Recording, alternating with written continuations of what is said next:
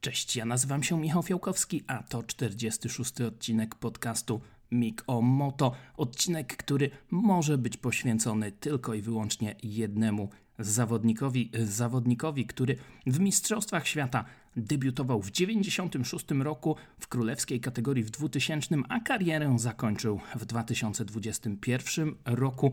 Jaka to była kariera, bo w tym czasie zdobył 9 tytułów Mistrza Świata, w tym 7 w królewskiej kategorii, 115 razy stawał na najwyższym stopniu podium, w tym 89 razy w królewskiej klasie. W klasie, która kiedyś była 500 teraz nazywa się MotoGP i to właśnie on jest ostatnim mistrzem 500 i pierwszym mistrzem MotoGP. Wygrał swój pierwszy wyścig po przesiadce z Hondy na Yamaha w 2004 roku. Później nie było już tak różowo podczas przygody z Ducati i też nie było tak różowo po powrocie na Yamasze, ale mimo wszystko to była kariera wyjątkowa i to przecież zawodnik, który sprawił, że MotoGP wzniosło się na wyżyny popularności. Mowa oczywiście o Valentino Rossimo, legendarnym doktorze, który zdobywał te wszystkie e, tytuły, kiedy my wszyscy chyba, nasze pokolenie, dorastaliśmy, dopiero e, zaczynaliśmy interesować się e, tym sportem, tymi wyścigami. A dzisiaj Valentino Rossi startuje w wyścigach samochodowych, jest w tym roku fabrycznym kierowcą BMW, ale też ma swój zespół w MotoGP. W barwach tego zespołu jego przyrodni brat Luca Marini oraz Marco Bezecchi. Valentino Rossi w padoku MotoGP pojawia się co prawda już dosyć rzadko, ale jest legendą tego sportu i nadal jest zawodnikiem, który elektryzuje kibiców, czy to na dwóch, czy to na e, czterech kołach. Ja nagrałem na przełomie 2017 i 2018 roku taki bardzo długi odcinek, w którym opowiedziałem o całej karierze Valentino Rossiego od e, początków, od tych pierwszych przymiarek do e, minimoto, do kartingu, o tej trudnej decyzji, w którą stronę iść, no i później o kolejnych szczeblach e, kariery, aż do 2018 roku włącznie, ale ten odcinek, mimo że jest dostępny w formie audio w tych wszystkich serwisach streamingowych, to nie ma go jednak na YouTubie. I pomyślałem sobie, że dobrze byłoby z tej okazji, z okazji tego 46 odcinka podcastu Mikomoto, przypomnieć Wam całą tę e, historię i po prostu odpalić ten odcinek również na e, YouTubie. Więc za chwilę posłuchacie tego, co nagrałem no już ładnych kilka lat temu. Jeśli jesteście ciekawi, co słychać u Valentina Rossiego teraz w tych wyścigach samochodowych, to też kilka odcinków Wstecz jest taki odcinek e, o tych e, obecnych rozterkach, dylematach związanych z karierą i przyszłością Valentino Rossiego. I to jest już dostępne na YouTubie, ale całej tej drogi w przygotowanie też, której włożyłem wtedy całkiem sporo e, czasu i wysiłku, tego na YouTubie nie było, teraz to się zmieni, a więc zapraszam Was na no, nie lada podróż w czasie, podczas której poznacie całą historię sportowego i nie tylko życia Valentino Rossiego. A ja jeszcze tylko dodam, e, że bardzo Wam dziękuję za fajne przyjęcie ostatniego odcinka o testach w e, Portugalii. Już za chwilę rusza sezon MotoGP. Przed startem też będzie jeszcze jeden specjalny odcinek e, podcastu. Zachęcam do lajkowania, zachęcam do subskrybowania, bo połowa z Was, tych osób, które słuchają tych odcinków, nie jest subskrybentami, ale to już e, kwestia na później. A teraz Valentino Rossi i wyjątkowa historia wyjątkowego zawodnika. Chłodny poranek wiosną 1993 roku Tor Maggione niedaleko Perugii, jeziora Trazymeńskiego i młody, 14-letni chłopak, który właśnie miał zadebiutować w wyścigach motocyklowych na Kadziwie Mito w klasie Sport Production. Ten debiut nie był zbyt dobry, bo e, zaraz po wyjeździe z alei serwisowej, już w pierwszym zakręcie, chłopak zaliczył wywrotkę. Podniósł się, wrócił do boksu, mechanicy odbudowali motocykli. Po ponad godzinie młody Włoch wrócił na tor. Niestety, tym razem również po zaledwie sześciu kółkach wylądował na deskach. Niewiele brakowało, a wtedy by się poddał. No i bardzo dobrze, że tak nie zrobił, bo dziś, 24 lata później, ma na swoim koncie 115 zwycięstw w Mistrzostwach Świata i 9 tytułów mistrzowskich, z tego 7 w królewskiej klasie, a ten sezon będzie jego 19 w cyklu Grand Prix. O kim mowa? Oczywiście o Valentino Rossim, o doktorze. To właśnie w ten sposób rozpoczęła się jego przygoda z wyścigami motocyklowymi i to właśnie o nim będzie czwarty odcinek podcastu Mikomoto. Zaczynamy. Valentino Rossi urodził się 16 lutego 1979 roku w niewielkim Urbino. Jego ojciec Graziano to były zawodnik Grand Prix, który na swoim koncie ma nawet 7 finiszów na podium, w tym jedno zwycięstwo. Graziano może nie był jakimś super utalentowanym i utytułowanym zawodnikiem, no ale był bardzo e, widowiskowy i potrafił porwać e, kibiców. Był też podobno pierwszym cudem słynnego doktora Kosty, który uratował go po poważnym wypadku w 1982 roku na torze Imola. Costa był wtedy lekarzem zawodów e, na tym właśnie obiekcie.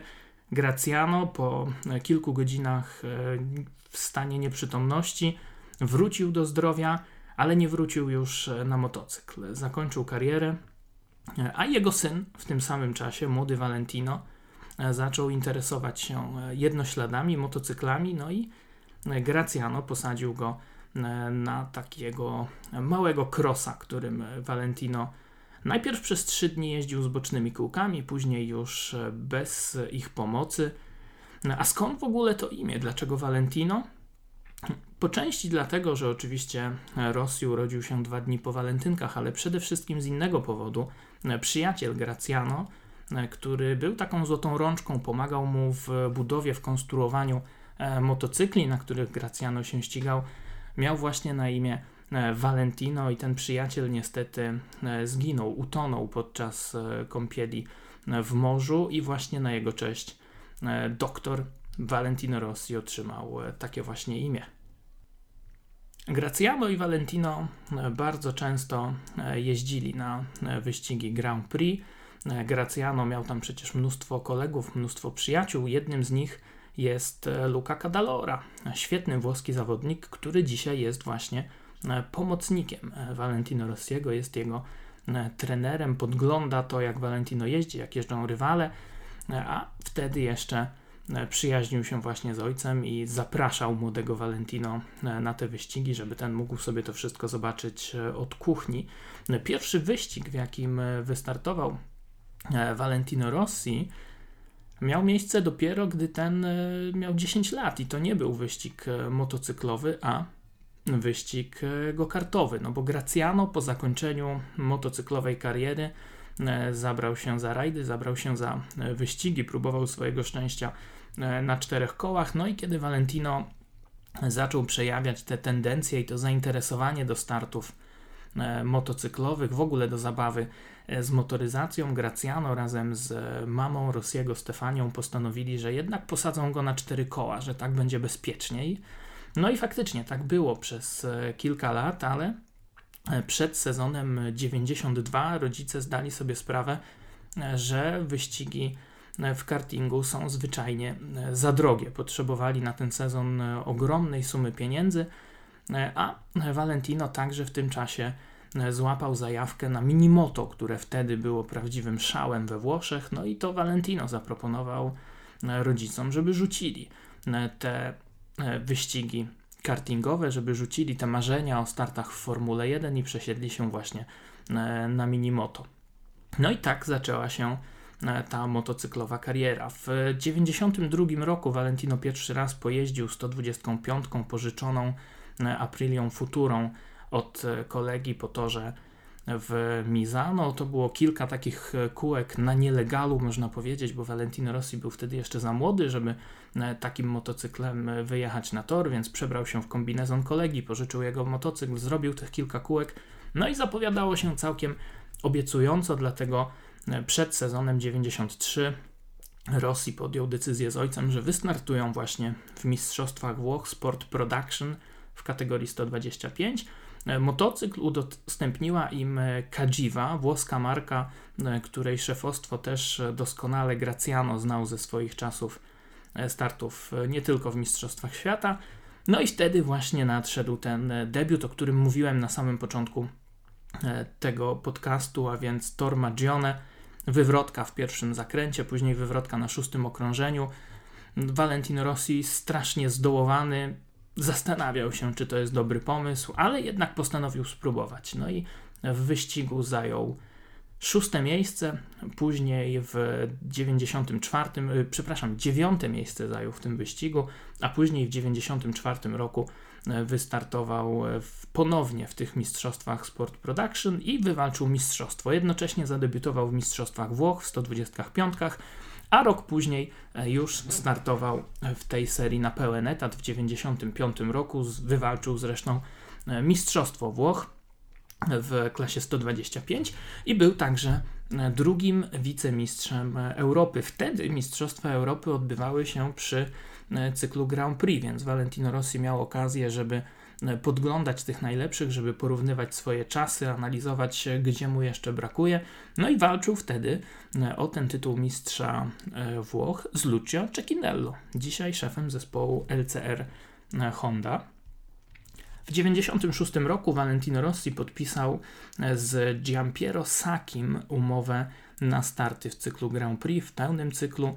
Szefem mechaników został wtedy Mauro Nocoli. No i ten pierwszy sezon upłynął pod znakiem sporej ilości wywrotek. Ponad 15 wywrotek zaliczył w tamtym sezonie e, Valentino Rossi i Giampiero Sacchi w pewnym momencie usiadł z nimi, e, powiedział do niego e, takie słowa: Posłuchaj, możesz być jak Szłąc, a możesz być jak Biaggi. Możesz jeździć jak widowiskowy Amerykanin, często się przewracać, zachwycać kibiców, ale nie osiągnąć zbyt wielu sukcesów. A możesz jeździć jak Biaggi, płynnie, nie popełniając błędów i zostać wielokrotnym mistrzem świata. No sęk w tym, że Valentino Rossi Maxa Biaggiego już wtedy bardzo nie lubił. On e, czytał te wszystkie wywiady, te wszystkie relacje i e, bardzo mu się nie podobała ta buta e, Maxa Biaggiego, więc postanowił, że jednak będzie Kevinem Szłącem. Oczywiście to, co się działo później z Maxem Biagim, może do tego za chwilę przejdziemy. E, najpierw jednak e, wróćmy do tego sezonu 96 i pierwszego zwycięstwa. Pierwsze zwycięstwo na doskonale znanym polskim kibicom torze e, w Brnie. Nieprzypadkowo, bo przed tym wyścigiem Valentino też otrzymał od Aprilli, na której startował nowy cylinder i karbonowe tarcze hamulcowe. Wcześniej z tego nie korzystał, no i te nowe części natychmiast sprawiły, że Valentino Rossi złapał tempo. Rok później siedział już na fabrycznej Aprilli, zaliczył tylko trzy wywrotki, no i bez problemu wywalczył tytuł mistrza świata.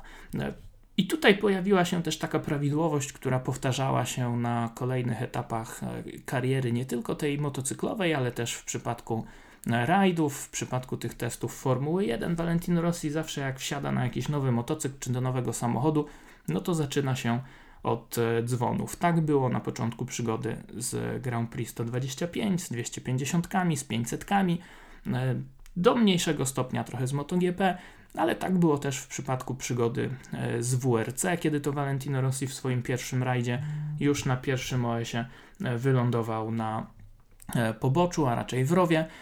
No i tak też było, kiedy testował bolid Formuły 1 Ferrari, też na pierwszym okrążeniu wypadł z toru. Do dzisiaj się zresztą z tego śmieje. E, ten sezon 97 był też bardzo znamienny, e, jeśli chodzi o rywalizację Valentino Rossiego z Maxem Biagim. To właśnie przed tym sezonem Valentino Rossiego zapytano, czy chce zostać Maxem Biagim kategorii 125. Zapytali o to Rossiego dziennikarze, on powiedział wtedy, że nie, co, co najwyżej E, Biaggi może zostać Rossim kategorii 250. No i się zaczęło. Kilka tygodni później, e, przed wyścigiem w Japonii na torze Suzuka do Biaggiego, e, do Rossiego podszedł Max Biaggi i powiedział mu, cytuję, umyj gębę, jak o mnie mówisz. No i tak zaczęła się właśnie ich rywalizacja, te ich przepychanki słowne i nie tylko słowne, jak się później okazało, A tymczasem Valentino Rossi zakończył sezon 97 oczywiście z mistrzowskim tytułem. Pracował też wtedy z nowym mechanikiem. Pod koniec tego sezonu rozpoczął współpracę z nowym szefem mechaników Rosano Brazzim. Brazzi do dzisiaj jest zresztą związany z Valentino Rossim, bo pracuje w jego zespole e, Sky VR46 w kategorii e, Moto 3. Pod koniec tego sezonu, 97, po zdobyciu pierwszego tytułu, Valentino Rossi testował w Jerez e, motocykl 250, to był jego pierwszy test. No i już wtedy e, zaczęły się te pierwsze też gierki, z których słynie e, Valentino Rossi. On pojeździł, ok, miał dobre tempo, ale na koniec dnia poprosił techników Dunlopa, żeby udostępnili mu super miękkie opony. Wyjechał na tych oponach, pobił rekord Valentino Rossiego, no i fama poszła e, w świat. Pierwszy sezon w 250, 98 rok, Valentino Rossi, e, Tetsuya Harada i Loris Capirossi. Bardzo ciekawy skład e, Aprilli, no ale skończyło się to fatalnie. Co prawda Loris Capirossi wywalczył ten mistrzowski tytuł, ale w było tam mnóstwo kontrowersji, ponieważ wypchnął Haradę z toru, został zdyskwalifikowany za to, no ale miał więcej punktów, został tym mistrzem świata. Później w boksie w Buenos Aires doszło do e, przepychanek, tam e, Capirossiego pobiła prawie e, żona Tetsui Harady, także no było bardzo, bardzo ciekawie, a rok później już w 99 roku, kiedy to Capirossi wyleciał z hukiem z zespołu Aprilli, Valentino Rossi znów z łatwością sięgnął po tytuł. 9 zwycięstw, 12 podiów na 16 startów i już wtedy zdał sobie sprawę, e, że no jest wyjątkowym e, zawodnikiem. I nie tylko on zdał sobie z tego sprawę, bo już rok wcześniej, w 1998 roku, pierwsze podchody pod Rossiego zaczęła robić Honda, zaczęła e, proponować przejście do 500, fabryczny kontrakt. Rossi najpierw się nie zgodził, powiedział, że nie będzie zmieniał klasy dopóki nie wywalczy mistrzowskiego tytułu. No i kiedy ten tytuł wywalczył, no to faktycznie e, podpisał kontrakt. E, bardzo zależało mu, żeby e, dołączył do niego Jeremy Burgess. Burgess wtedy pracował z Mickiem Duenem. Duen po tej fatalnej kontuzji z Jerez już było wiadome, że raczej nie wróci na tor, ale wrócił na motocykl i przejechał kilka takich honorowych okrążeń podczas Grand Prix Australii. No i wtedy też Burgess, który jest Australijczykiem, e, przyjechał do Phillip Island e, i przyjechał między innymi po to, żeby spotkać się z Valentino Rossim. E, podobno długo się zastanawiał, ale ostatecznie zdecydował się dołączyć do Valentino Rossiego. No i nadszedł czas zorganizowania pierwszego testu. Bardzo fajnie to wspominał wiele razy Valentino Rossi. Ten test odbył się w Jerez. Rossi liczył, że będą ciężarówki, jednostki gościnne, wszystko piękne, ładne, jak to na 500 e, przystało. On sobie nawet kombinezony specjalne dał uszyć na okazję tego pierwszego testu. No a co się okazało? Przyjechał Burgess i dwóch mechaników busem ze starą 500 na pacę. No i okazuje się, że e, Valentino Rossi nawet nie mógł założyć tych kombinezonów, no bo miał kontrakt z Aprilią. Aprilia, ok, pozwoliła Rossiemu testować motocykl Hondy przed końcem roku, ale nie e, pozwoliła używać e, kombinezonów Hondy ani żadnych innych, tylko tych starych Valentino Rossiego w barwach Aprilli. Co zrobił Rossi? Pożyczył kombinezon od Marcelino Lucciego, który wtedy testował też dla Aprilli w Jerez i zwrócił się również do Tatsui, Tetsui Harady, który także był wtedy na torze bo jak się okazało, kask mu ukradli na, na, lotnisku, więc poszedł do Harady, powiedział: Słuchaj, my się kiedyś wymieniliśmy kaskami, może masz gdzieś ten mój stary kask? No mam. No i tym sposobem Valentino Rossi pierwszy test na 500 odbył w kombinezonie pożyczonym od Marcelino Lucciego i w swoim kasku sprzed kilku sezonów pożyczonym na chwilę od Tetsui Harady. Sporo pracy czekało Valentino Rossiego przed e, tamtym sezonem, bo e, bez Mika Duena Honda była w dosyć dużych e, tarapatach. Alex Crivier, co prawda, zdobył ten tytuł, ale nie do końca wiedział, jak rozwijać motocykl, więc Honda była trochę zagubiona. Dopiero po jakimś czasie inżynierzy, analizując telemetrię, zdali sobie sprawę, że Valentino Rossi bardzo płynnie, bardzo precyzyjnie obsługuje się z manetką gazu no i e, w związku z tym zaczęli jego słuchać e, bardziej niż innych zawodników e, Hondy. ale było też dużo problemów z motocyklem, dlatego od wyścigów Jerez Valentino Rossi otrzymał sporo części z sezonu 99. No i szybko przyszły wyniki. W Jerez było pierwsze podium, później na Silverstone było pierwsze e, zwycięstwo. Rok później e, Valentino Rossi wywalczył e, mistrzowski tytuł, ostatni tytuł w kategorii 500. I co ciekawe, wtedy Honda zmieniła dla niego ramę w Hondzie NSR. Zmieniła ją po raz pierwszy od 10 lat. Tak bardzo konserwatywna była Honda w tamtych czasach, że no niechętnie zmieniała cokolwiek, ale dla Valentino Rossiego zrobili e, wyjątek.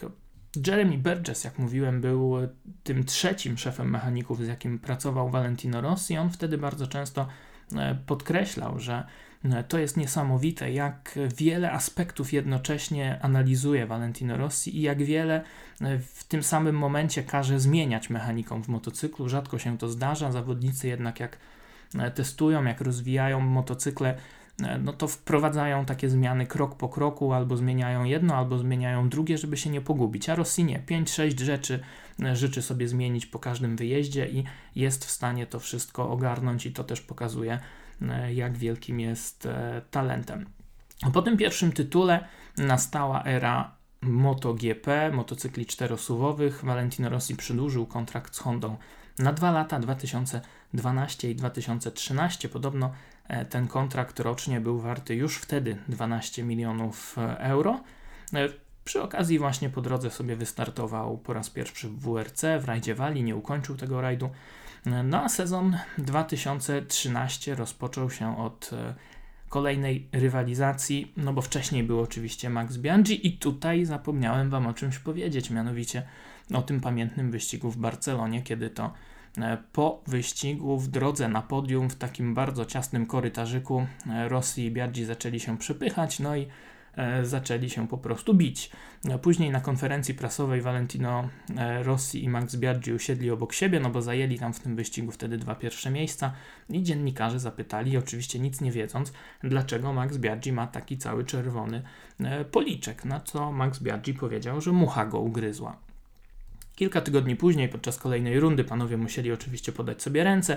W międzyczasie to wszystko wypłynęło, tam było jakieś nagranie, było jakieś, jakieś audio też od włoskiej telewizji, no i w związku z tym e, trzeba było dać sobie rękę na zgodę. No i tak ta rywalizacja, można powiedzieć, powoli, powoli e, wygasała, bo gdzieś tam jednak Max Biaggi e, nie błyszczał, za to pojawił się nowy rywal.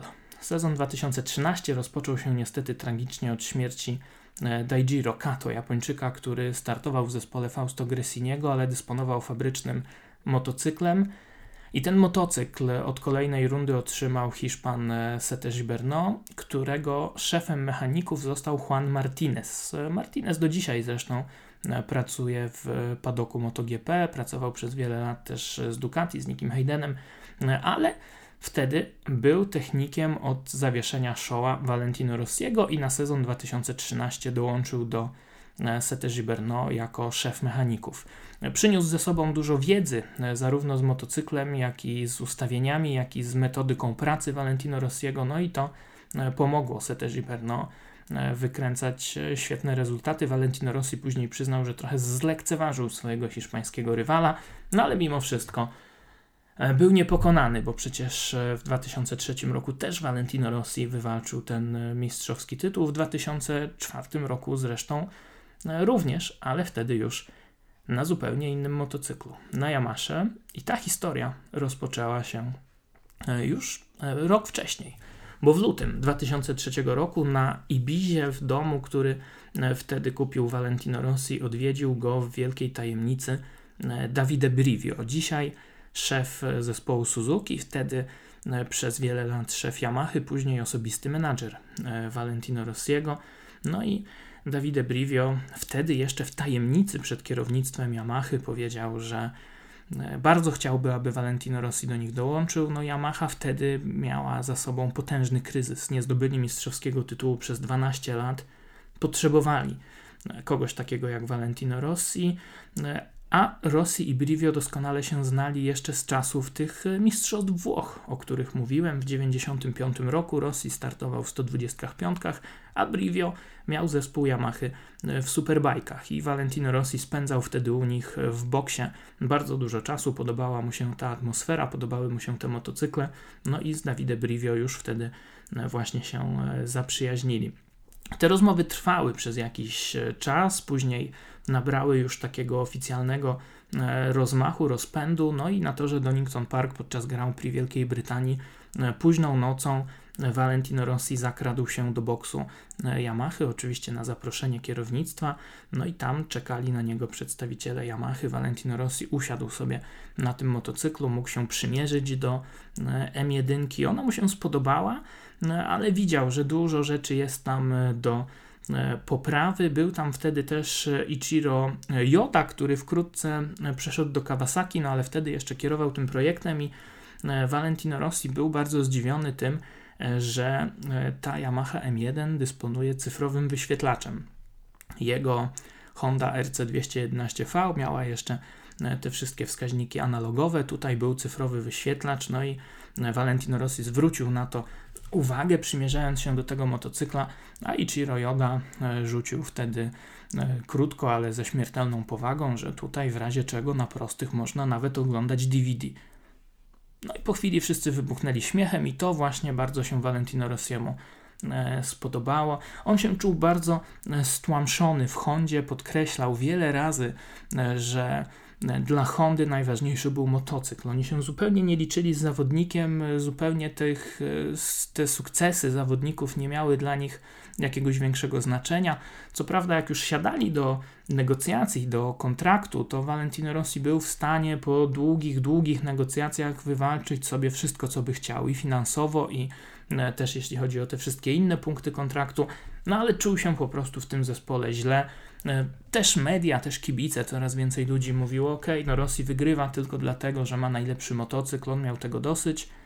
No i tym sposobem ponownie w Brnie, tam gdzie w 96 roku wygrał swój e, pierwszy wyścig, uścisnął dłonie z Davide Brivio i z szefem e, wyścigowego działu Yamahy z Linem Jarvisem, a uścisnęli te dłonie w klinika mobile w tym mobilnym szpitalu pod stołem w środku nocy. Tak, to było takie właśnie sekretne spotkanie, nikt nie mógł tego wiedzieć. Tak to właśnie się stało. No i od tego czasu Valentino Rossi bardzo intensywnie namawiał swoich mechaników, Jeremiego Burgessa e, i ekipę mechaników, aby także e, przeszli e, do Yamahy, ale oni nie chcieli tego zrobić. No i długo, długo to trwało, zanim jednak się z, na to zgodzili. No miał duży żal Valentino Rossi wtedy do Jeremiego Burgessa, że ten tak długo się wahał, że początkowo w ogóle nie chciał e, się na to e, zdecydować, a w międzyczasie też Valentin Rossi negocjował e, z Ducati. To nie jest tajemnicą i też podkreślał, że no, jednak to, co go zniechęciło do Ducati, to było to podejście do ścigania, podejście, w którym Ducati też stawiało jednak na technologię, a nie na zawodników i powiedział Valentino Rossi po kilku takich tajemnych spotkaniach też w Bolonii, w fabryce Ducati, że jednak to Ducati za bardzo przypominało mu Hondę i jeżeli miał gdzieś e, odejść, miał zmienić barwy, no to właśnie e, dołączyć do Yamahy. No i tak też się stało. Kontrakt podobno był warty zaledwie 5,5 miliona funtów plus 3 miliony funtów bonusu za wywalczenie mistrzowskiego tytułu, także ta podstawa była no, prawie dwa razy mniejsza niż w przypadku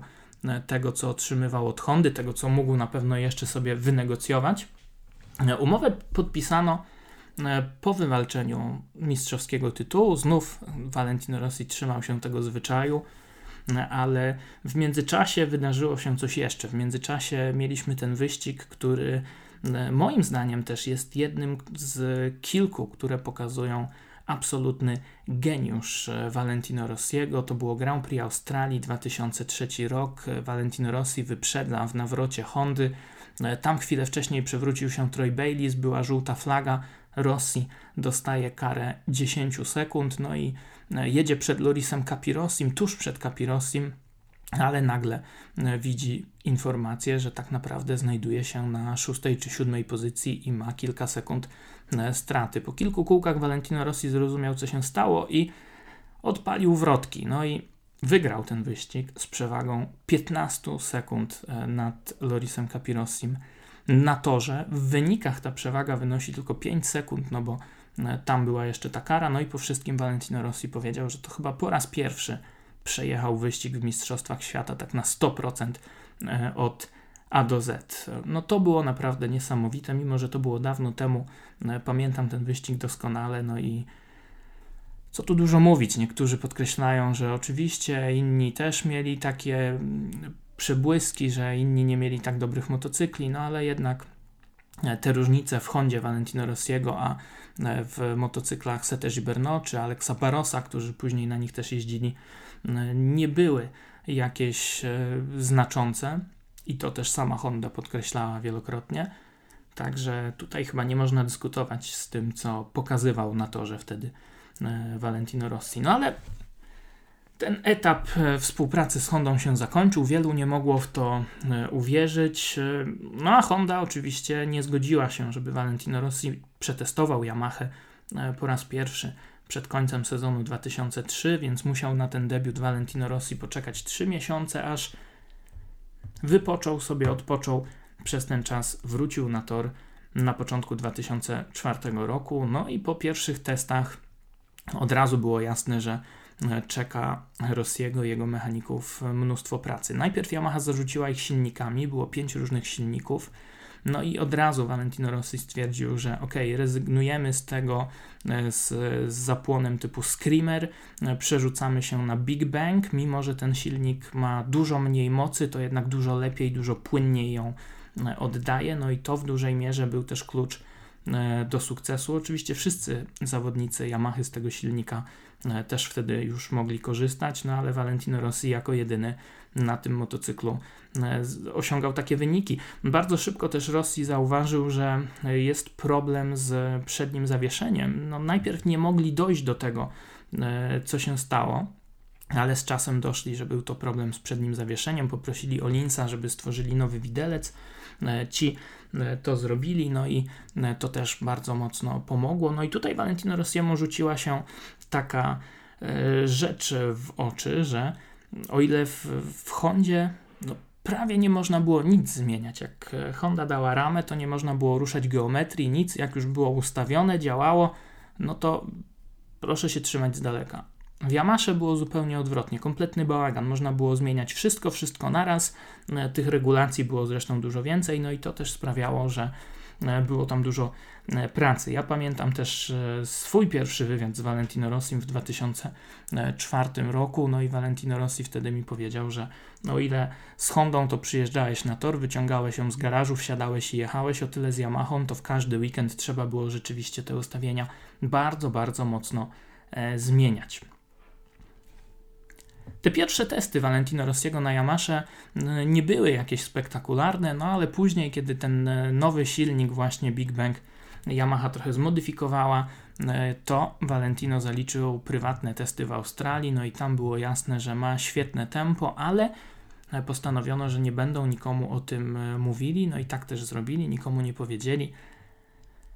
I później nadeszło Grand Prix Zero czyli ostatnie oficjalne testy, testy podczas których była też taka specjalna sesja kwalifikacyjna. E, pod koniec dnia można było wygrać samochód BMW, no ale można też było zyskać bardzo mocną przewagę psychologiczną. No i tak też się stało. Valentino Rossi był najszybszy w tych testach, a później w RPA w pierwszym Grand Prix zgarnął i pole position i zwycięstwo po pięknej walce z Maxem Biagim. No i mało kto mógł w to uwierzyć, ale e, przez ten sezon 2004 Valentino Rossi przeszedł jak burza, chociaż było tam kilka e, przygód. Była ta pamiętna historia w Katarze. To była wtedy pierwsza edycja tego wyścigu, nowy tor na pustyni, mnóstwo piasku. No i Jeremy Burgess e, wpadł na taki pomysł, że wyjedzie z mechanikami na skuterkach na to pole startowe, które Valentino Rossi wywalczył. Spalą tam trochę gumy, żeby ten tej gumy zostawić na asfalcie. E, mechanicy Maxa Biaggiego zrobili podobnie, No ale ktoś na nich e, doniósł. Dowiedzieli się organizatorzy, była kara, Valentino Rossi startował z końca stawki e, i w pogoni za czołówką zaliczył wywrotkę, uszkodził sobie palec. No i przed kolejnym wyścigiem w Malezji na konferencji prasowej, przed konferencją prasową powiedział, że e, Sete Gibernau już nigdy nie wygra wyścigu w Mistrzostwach Świata, a on już tego dopilnuje. Dlaczego Sete Gibernau? Bo podobno to on tam też maczał palce w tym donoszeniu na Rossiego i Biardziego. No i cóż, tak też e, się stało. Valentino Rossi wygrał wyścig e, w Sepang, wtedy wyciągnął też tę słynną zmiotkę La Rapida. To była taka sztuczka, którą sobie przygotował po tym wyścigu. Zresztą tych różnych celebracji była cała masa i dzisiaj chyba nawet zabrakłoby nam czasu, żeby to wszystko omówić, ale e, było tych celebracji, tych wszystkich historii mnóstwo w karierze Valentino Rossiego. Setecz Berno wtedy podjechał, no, chciał pogratulować, Valentino Rossi go zignorował, no i to był e, koniec przyjaźni. A dla Setecz Berno to rzeczywiście był początek jakiejś e, fatalnej klątwy, bo faktycznie nigdy więcej Gilberno wyścigu już nie wygrał. Był bardzo blisko rok później w Jerez w 2005 roku. Wtedy Rossi zaatakował go w ostatnim zakręcie, zderzyli się. E, dźwignia hamulca Rossiego utknęła na łokciu Sete Gibernau. Rossi go wypchnął, tak można powiedzieć, nie do końca z, z premedytacją, no ale wypchnął e, poza tor, wygrał wyścig, Sete tam prawie płakał na podium, kibice wyzywali, e, byli też wściekli na Rossiego, no bo to Hiszpanie, no ale tak czy inaczej e, ten wyścig przeszedł do historii, ten finisz przeszedł do historii, a Sete Gibernau rzeczywiście później już ani razu na szczycie podium nie stał, jak kilka miesięcy później był dwa zakręty od zwycięstwa, no to w Brnie skończyło mu się e, paliwo. Także miał chłopak ogromnego pecha. No a Valentino Rossi także ten sezon 2015 zakończył z tytułem e, Mistrza Świata. W 2006 roku, wszyscy pewnie to pamiętacie, przegrana walka o tytuł z Nickiem Haydenem, z nieodżałowanym Amerykaninem. W ostatnim wyścigu w Walencji Rossi wtedy gonił, ale e, ta wywrotka w drugim zakręcie pokrzyżowała jego szanse, a rok później pojawił się kolejny rywal, w 2007 roku tytuł zdobywa Casey Stoner na Ducati. Zaczyna się e, okres jego dominacji, ale to wszystko e, Valentino Rossi postanowił przeciąć. Rok później, w 2008 roku, kolejny taki pamiętny wyścig, jeden chyba z najsłynniejszych w historii e, Valentino Rossiego, Grand Prix Stanów Zjednoczonych, Laguna Seca. Casey Stoner miał wtedy absolutnie niesamowite tempo. Był poza zasięgiem rywali. Miał tam chyba sekundę lepsze czasy na każdym okrążeniu przez cały weekend niż e, Valentino Rossi, więc e, Rossi wiedział, że absolutnie nie będzie w stanie nawiązać z nim walki, dotrzymać mu kroku e, podczas wyścigu, więc postanowił wybić go z rytmu i atakował natychmiast. Kiedy tylko się dało, od razu wchodził Stonerowi pod łokieć, nie dawał mu jechać na prowadzeniu, nie dawał mu odskoczyć. No i rzeczywiście ta walka była na tyle intensywna, agresywna, że e, w końcu w szykanie w korkociągu, w tym słynnym zakręcie e, prowadzącym z górki Valentino Rossi wyjechał e, poza tor, ściął ten zakręt, stoner wypchnięty szeroko, kilka kółek później wytrącony z równowagi zaliczył wywrotkę, powiedział, że stracił szacunek do Valentino Rossiego, ale tak czy inaczej Valentino Rossi ten wyścig wygrał, Stoner później przeprosił podczas kolejnej rundy. No i tym razem to Valentino Rossi zdobył tytuł. 2008-2009 to były te dwa ostatnie lata e, dominacji e, Valentino Rossiego. Zresztą po drodze też w 2008 roku Valentino Rossi e, postanowił zmienić dostawcę opon. Wtedy były coraz większe problemy z Michelinem. Rossi przeszedł na Bridgestone, zmienił razem z Jeremy Burgessem kompletnie rozkład masy w motocyklu, znaleźli dobre ustawienia, no i ponownie po tej przegranej z 2007 roku ponownie był konkurencyjny. To mu bardzo oczywiście e, pomogło. No a później nadszedł sezon 2010, e, jednak zanim do tego sezonu e, doszło, do tej rywalizacji, no to tutaj nie mogę wspomnieć o wyścigu o Grand Prix Katalonii 2009. No i kolejny młody rywal Jorge Lorenzo, młody zawodnik e, Yamaha u boku Valentino Rossiego, no i wtedy Rossi też wygrywa w ostatnim zakręcie. Prawie uśliznął mu się przód, kiedy zaatakował e, Jorge Lorenzo, ale wyprzedził Hiszpana, wygrał absolutnie kapitalny wyścig, jeden chyba z najlepszych w życiu, jakie komentowałem i Wtedy też zaczęły się te napięcia pomiędzy Valentino Rossi i Jorge Lorenzo. Nie chcieli się dzielić danymi, były te ściany, było tam mnóstwo takich uszczypliwości, złośliwości, dokładnie w taki sam sposób jak w przypadku Maxa Biaggiego. No i tym punktem zwrotnym był sezon 2010. Najpierw kontuzja barku zimą podczas e, jazdy na nartach. Valentino Rossi rozpoczyna rok osłabiony i przewraca się e, przed własnymi kibicami na torze Mugello. E, przed Grand Prix Włoch złamana noga, piszczeli strzałka, 41 dni nieobecności, ale wreszcie Valentino Rossi wraca na Sachsenringu. Pamiętam to doskonale. Byłem wtedy na na tych zawodach e, było mnóstwo takiej niepewności, czy dostanie zgodę, czy nie dostanie zgody od lekarza zawodów. E, dostał tę zgodę, był na konferencji e, o kulach, później o tych kulach poruszał się w boksie. Do tego boksu zresztą nie szło się dopchać, było tylu dziennikarzy i fotoreporterów tam na zewnątrz. No i po pięknej walce ze Stonerem, przegranej walce ze, ze Stonerem, Valentino Rossi wtedy wyścig ukończył na czwartej pozycji, a ja pamiętam doskonale wywiad E, z tamtego weekendu, który przeprowadziłem z Bradleyem Smithem. E, Bradley wtedy jeszcze jeździł w kategorii 125, ale powiedział, że te trzy wyścigi, e, które opuścił Valentino Rossi podczas tych wyścigów padok MotoGP przypominały jakieś miasteczko duchów.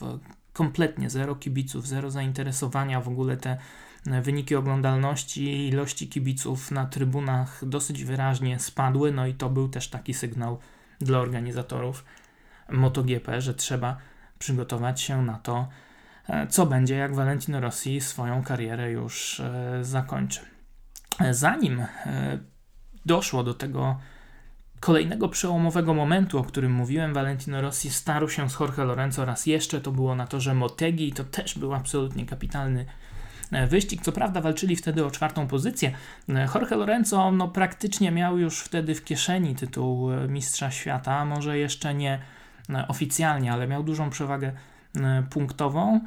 Natomiast e, Valentino Rossi walczył o przysłowiową pietruszkę, no i mocno wtedy napsuł krwi Jorge Lorenzo w tym wyścigu. Walczyli, walczyli o to trzecie miejsce. Kilka razy prawie wypchnęli się z toru, no a po wszystkim Lorenzo mocno krytykował jazdę Valentino Rossiego, mówił, że to niepotrzebne w takiej sytuacji, że on tu walczy o tytuł, kolega powinien pomagać, a nie przeszkadzać i tak dalej, i tak dalej. Lin Jarvis, szef zespołu wtedy, też rozmówił się e, z Valentino Rossim, a Rossi po wszystkim powiedział dziennikarzom, no tak, tak, rozmawialiśmy, e, powiedziano mi, że e, mam bardziej uważać, no to będę jeździł tak jak do tej pory, tylko będę bardziej uważać. I wtedy już za kulisami też było jasne, że Valentino Rossi po raz kolejny rzuci sobie nowe wyzwanie i zmieni barwy. I tym razem dołączy do e, Ducati. W Ducati wtedy wiele się pozmieniało. Odszedł e, Livio Suppo, z którym Rossi nie miał najlepszych stosunków. Suppo przeszedł właśnie e, do Repsol Hondy, ściągnął tam ze sobą później Casey'a Stonera. W Ducati nowe kierownictwo, nowe aspiracje, coraz więcej głosów, że Ducati zostanie przejęte przez Audi. No i Valentino Rossi skusił się na te ogromne pieniądze, jakie proponowało E, Ducati, no ale chciał też przede wszystkim e, wygrać na kolejnym motocyklu. Chciał znów ukrócić te e, wszystkie zarzuty, że wygrywa, bo ma najlepszą Yamaha i tak dalej. No ale była tam też kwestia tego konfliktu z Jorge Lorenzo. Też Valentino Rossi później powiedział, że był trochę zły na podejście Yamahy do niego, bo Yamaha obcięła mu wynagrodzenie o 4 miliony euro. Mówiłem o tym w ostatnim odcinku, w którym analizowałem budżety teamów MotoGP. Yamaha wtedy obcięła Rosjemu wynagrodzenie o 4 miliony euro, e, tylko po to, żeby te 4 dodatkowe miliony euro przelać na konto Jorge Lorenzo, co Rosjego bardzo e, poirytowało. No ale rzucił sobie Valentino Rossi to nowe wyzwanie. Podpisał dwuletnią umowę na starty z Ducati, zabrał ze sobą ponownie Jeremiego Burgessa, wszystkich swoich mechaników, ale tym razem nie było takiego happy endu jak w przypadku e, Yamahy 35 startów, tylko 3 podia, jedyne dwa lata w karierze Valentino Rossiego, e, podczas których nie stał na najwyższym stopniu podium. 2011 rok zakończył na siódmej pozycji, 2012 na szóstym miejscu, no i naprawdę był E, cieniem samego siebie. Oczekiwania były gigantyczne.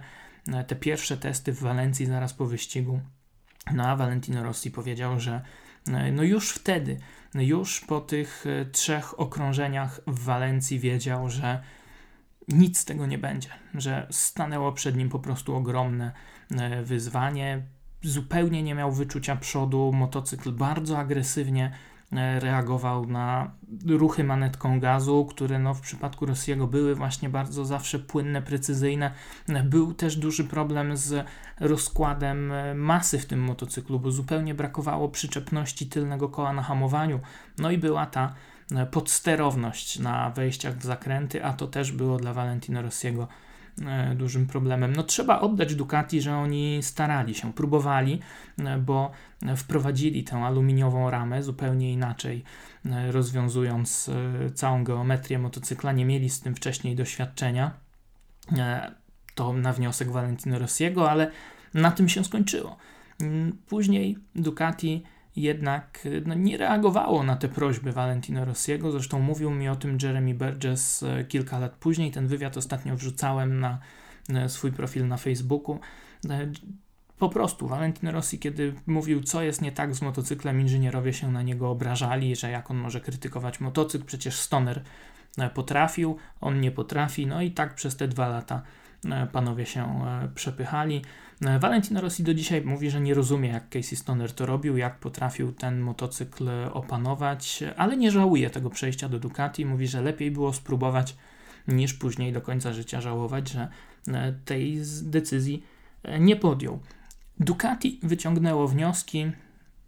Marka przejęta przez Audi, nowe kierownictwo, Gigi Dalinia, kompletne zmiany, jeśli chodzi o, o motocykl. No i dzisiaj widzimy tego efekty, bo te wyniki Ducati są e, dużo lepsze. Tymczasem Valentino Rossi w 2014 roku wykorzystał e, problemy Bena Spisa, no i e, wskoczył ponownie na Yamaha M1. Dogadał się z Linem Jervisem, co prawda dużo mniejsze wynagrodzenie, ale jednak wrócił na ten motocykl. Zajął wtedy czwarte miejsce w klasyfikacji generalnej.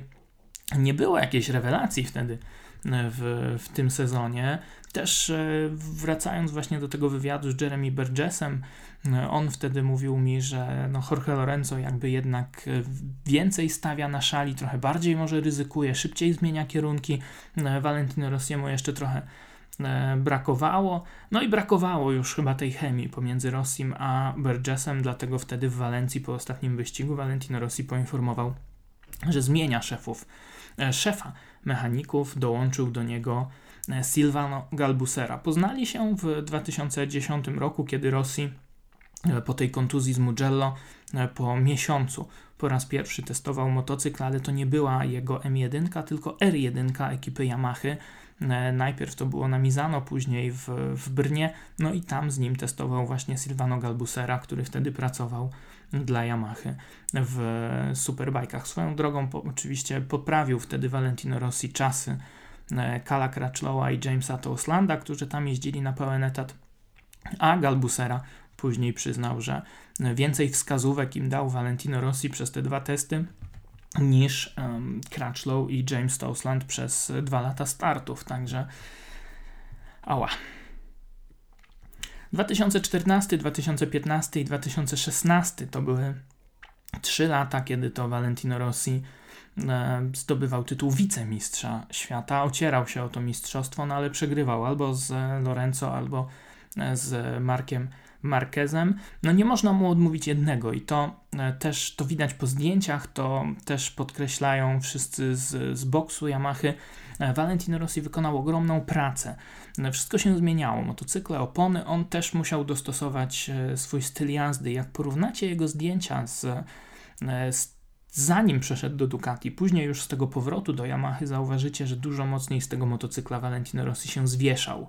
E, że wygląda to teraz zupełnie inaczej, także on też mimo że już prawie 40 ma na karku, cały czas nad e, sobą e, pracuje.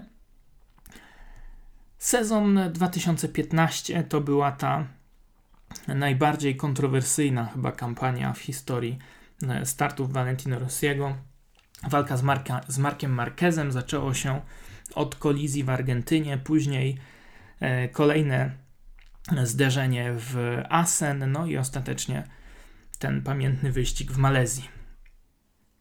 To jest oczywiście dosyć współczesna historia MotoGP, więc te wydarzenia pewnie wszyscy doskonale pamiętacie. Kto miał wtedy rację? No pamiętamy, Valentino Rossi powiedział po wyścigu w Australii, że Marquez go tam celowo zwalniał. E, Marquez wziął sobie to do serca, no i mocno napsuł krwi Rossiemu w Malezji. Ewidentnie e, jechał w taki sposób, żeby dać Rossiemu nauczkę, no ale walczył fair. Nic, e, nic nieprawidłowego nie zrobił. Takie są wyścigi. Natomiast Rossi jednak, moim zdaniem, stracił wtedy tę zimną krew. Wypchnął Marqueza zupełnie niepotrzebnie, zupełnie bez sensu poza tor Marquez się przewrócił, Rossi dostał karę, startował z końca stawki, a Mark Marquez no E, wtedy za Jorge Lorenzo w Walencji grzecznie, bez jakichś tam specjalnych prób e, ataku. No i Lorenzo wygrał, został mistrzem świata. Wielu kibiców mówiło: Proszę, tak Marquez pięknie walczył z Rossim, tak go atakował, tak go cisnął w e, Malezji, a Jorge Lorenzo nie zaatakował ani razu w Walencji. No cóż, to była historia bardzo dyskusyjna, bardzo kontrowersyjna. Faktem jest, że Rosji najlepszą szansę w tych ostatnich latach na e, tytuł stracił. No i stracił też, e, można powiedzieć, kolegę na torze, bo e, ta rywalizacja z Marquezem, kolejna wielka wojna na torze i, i poza nim walka zawodników, walka, wojna ich kibiców. Zakończyło się to wszystko w pewnym sensie rok później, w 2016 roku w Barcelonie, po tej tragicznej śmierci Luisa Saloma, kiedy to Rossi i Marquez podali sobie ręce no pytanie, na ile to było e, zrobione, nie chcę powiedzieć pod publiczkę, no ale na ile to właśnie przypominało te, te kontrowersje z Biagim e, sprzed lat, na ile było to szczere. W tej chwili jest chód, dystans, ale nie ma jakiejś wielkiej niechęci pomiędzy tymi dwoma zawodnikami, no i, e, i to jest chyba najważniejsze. Ubiegły rok, 2017, był najgorszym e, w, dla Valentino Rossiego od czasu tych startów e, na Ducati. Co prawda wygrał jeden wyścig, ale e, w klasyfikacji generalnej był daleko, był dopiero na piątym miejscu. Yamaha miała dużo problemów z motocyklem, nie mogli dojść tam do ładu po odejściu Jorge Lorenzo, którego też Rossi poniekąd wypchnął z tego zespołu, też tam presję na niego dosyć mocną wywierał i Lorenzo postanowił odejść do do Ducati. Mm, trudny był ten poprzedni sezon. Jaki będzie 2018? Dla Rossiego będzie 19 sezonem w Mistrzostwach Świata. No i pytanie, czy będzie ostatnim, bo Valentino Rossi za miesiąc skończy 29, 29, 39 oczywiście e, lat. Czy podpisze kolejną umowę z Yamahą, czy przedłuży swoją karierę, czy jednak ją zakończy. Tam już wielu na jego miejsce ostrzy sobie e, zęby, no bo i Joan Zarco mówi się, że mógłby dołączyć do Yamahy, może Jorge Lorenzo by wrócił, jakby jednak z Ducati się nie mógł dogadać, e, tak jak to było w przypadku Rossiego, a może jednak Rossi jeszcze zostanie i będzie startował do 40 e, przynajmniej. Ja mam taką nadzieję i wydaje mi się, że jest to bardzo prawdopodobne, bo Valentino Rossi zawsze podkreśla, że nie tyle zwycięstwa są dla niego e, najważniejsze, co cała ta adrenalina, te e, te emocje, on lubi e, po prostu rywalizować i jeżeli tylko będzie względnie konkurencyjny, jeżeli Yamaha te problemy rozwiąże, jeżeli Rosji będzie w stanie walczyć o podium w sezonie 2018, no to kto wie, może po 5-6 wyścigach, bo wtedy też pewnie podejmie decyzję, może wtedy postanowi tę umowę przedłużyć. A jeśli nie, no to miejmy nadzieję, że będziemy widzieli go często w padoku, no bo przecież ma ten swój zespół, ma Akademię VR46. On jeszcze kilka lat temu mówił, że nie chciałby być szefem zespołu, nie chciałby jeździć po tych wszystkich wyścigach, nie mogąc startować, no bo to jest bardzo duże e, obciążenie e, dla, dla wszystkich, którzy w padoku e, pracują, no ale jednak jak popatrzymy na to, jak to wyglądało przed laty, no to ci wielcy mistrzowie, najpierw Giacomo Agostini, później e, Kenny Roberts, później Wayne Rainey, wszyscy zdobywali tytuły w barwach e, Yamahy, a później zostawali szefami teamu Yamahy i to ci kolejni zdobywali tytuły w barwach właśnie E, tych panów, no bo e, tak było z Agostinim, to w jego teamie e, startował później Kenny Roberts, no a później w teamie Kenny'ego Robertsa Wayne Rainey i to on później kierował zespołem Yamahy, no może bez większych sukcesów, ale, ale przez kilka lat to robił. Później Yamaha wynajęła jakby swoich menadżerów, najpierw Jeff Crust, później właśnie Lynn Jarvis.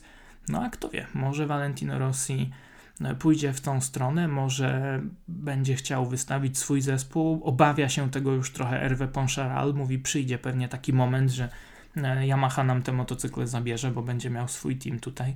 E, Valentino Rossi. Ciekawe, jak to będzie. Oczywiście wiecie wszyscy doskonale, że Valentino Rossi nie tylko e, ma ten swój team, ma akademię, ma tą swoją firmę merchandisingową, ale też robi mnóstwo innych rzeczy, no i może ktoś go jednak od tych torów e, odciągnie. No a jaki jest Valentino Rossi poza torem? No, bardzo miły, bardzo sympatyczny. Oczywiście on wiele razy podkreślał, że ta popularność, e, nie tylko jeśli chodzi o media, ale też o kibiców, to się bardzo daje we znaki. Nie jest już taki wygadany, taki otwarty jak kiedyś, jak na początku swojej kariery. No, nie udziela już na przykład zbyt chętnie wywiadów prasowych. Kiedyś jeszcze E, w czasach Hondy, czy w tej pierwszej przygody z Yamahą tych wywiadów nie brakowało. Teraz już praktycznie jest to prawie niemożliwe, żeby na taki wywiad e, z Valentino Rossim się e, umówić podczas weekendu Grand Prix, no ale łatwo to zrozumieć. Taka popularność ma oczywiście swoją ogromną, ogromną cenę, ale muszę przyznać, że ja nigdy z Valentino Rossim nie miałem żadnych problemów, zawsze bardzo sympatycznie i ciepło te rozmowy wyglądały. No, to jest zresztą wielka, wielka siła Valentino Rossiego. No, on taki, jaki jest na torze, jest też e, poza nim, za to kochają go e, kibice.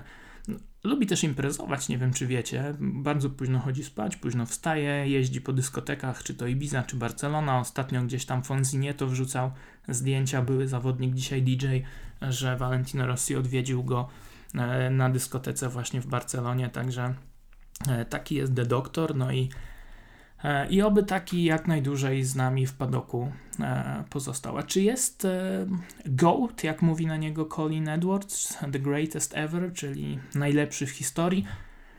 Moim zdaniem tak. Jeżeli spojrzymy na całokształt, na to wszystko, co osiągnął przez lata, jak najbardziej tak. Oczywiście byli inni wielcy mistrzowie. Mike Haywood, przede wszystkim Giacomo Agostini, ale Agostini startował w czasach, kiedy to on dysponował fabryczną MV Augustą, a rywale jakimiś prywatnymi e, Nortonami, no i wygrywał wyścig z przewagą kilku okrążeń nad e, drugim zawodnikiem na przykład, więc e, trudno to, trudno to chyba porównywać. Mick Duen też osiągnął bardzo wiele, no pięć tytułów mistrza świata, ale nie porywał tak kibiców, mimo że miał ogromną charyzmę, no to jednak też trochę może brakowało tych rywali, równie mocnych rywali, ta wtedy konkurencja była też troszeczkę e, mniejsza.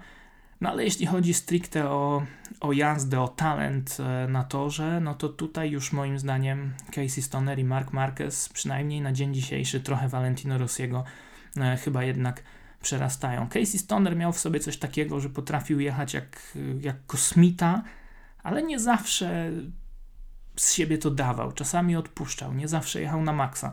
Marquez to jest taka jakby nowa, lepsza wersja Casey'a Stonera, on zawsze jedzie na limicie, e, zawsze wyciąga jakieś asy z rękawa, no i tutaj mm, e, moim zdaniem, no przynajmniej w tych ostatnich latach, trochę e, przewyższa Valentino Rossiego tym stricte sportowym poziomem, ale ja nie wierzę w te wszystkie historie spiskowe, że to Rosji miał zawsze lepszy sprzęt i tak dalej, i tak dalej. Mam nadzieję, że w sezonie 2018 zobaczymy taką wyrównaną walkę Valentino Rossi kontra Mark Marquez, no i przekonamy się, kto wyjdzie z niej zwycięską ręką w listopadzie e, w, w Walencji. No i znów dosyć długi był ten podcast, ale dziękuję, że e, byliście ze mną.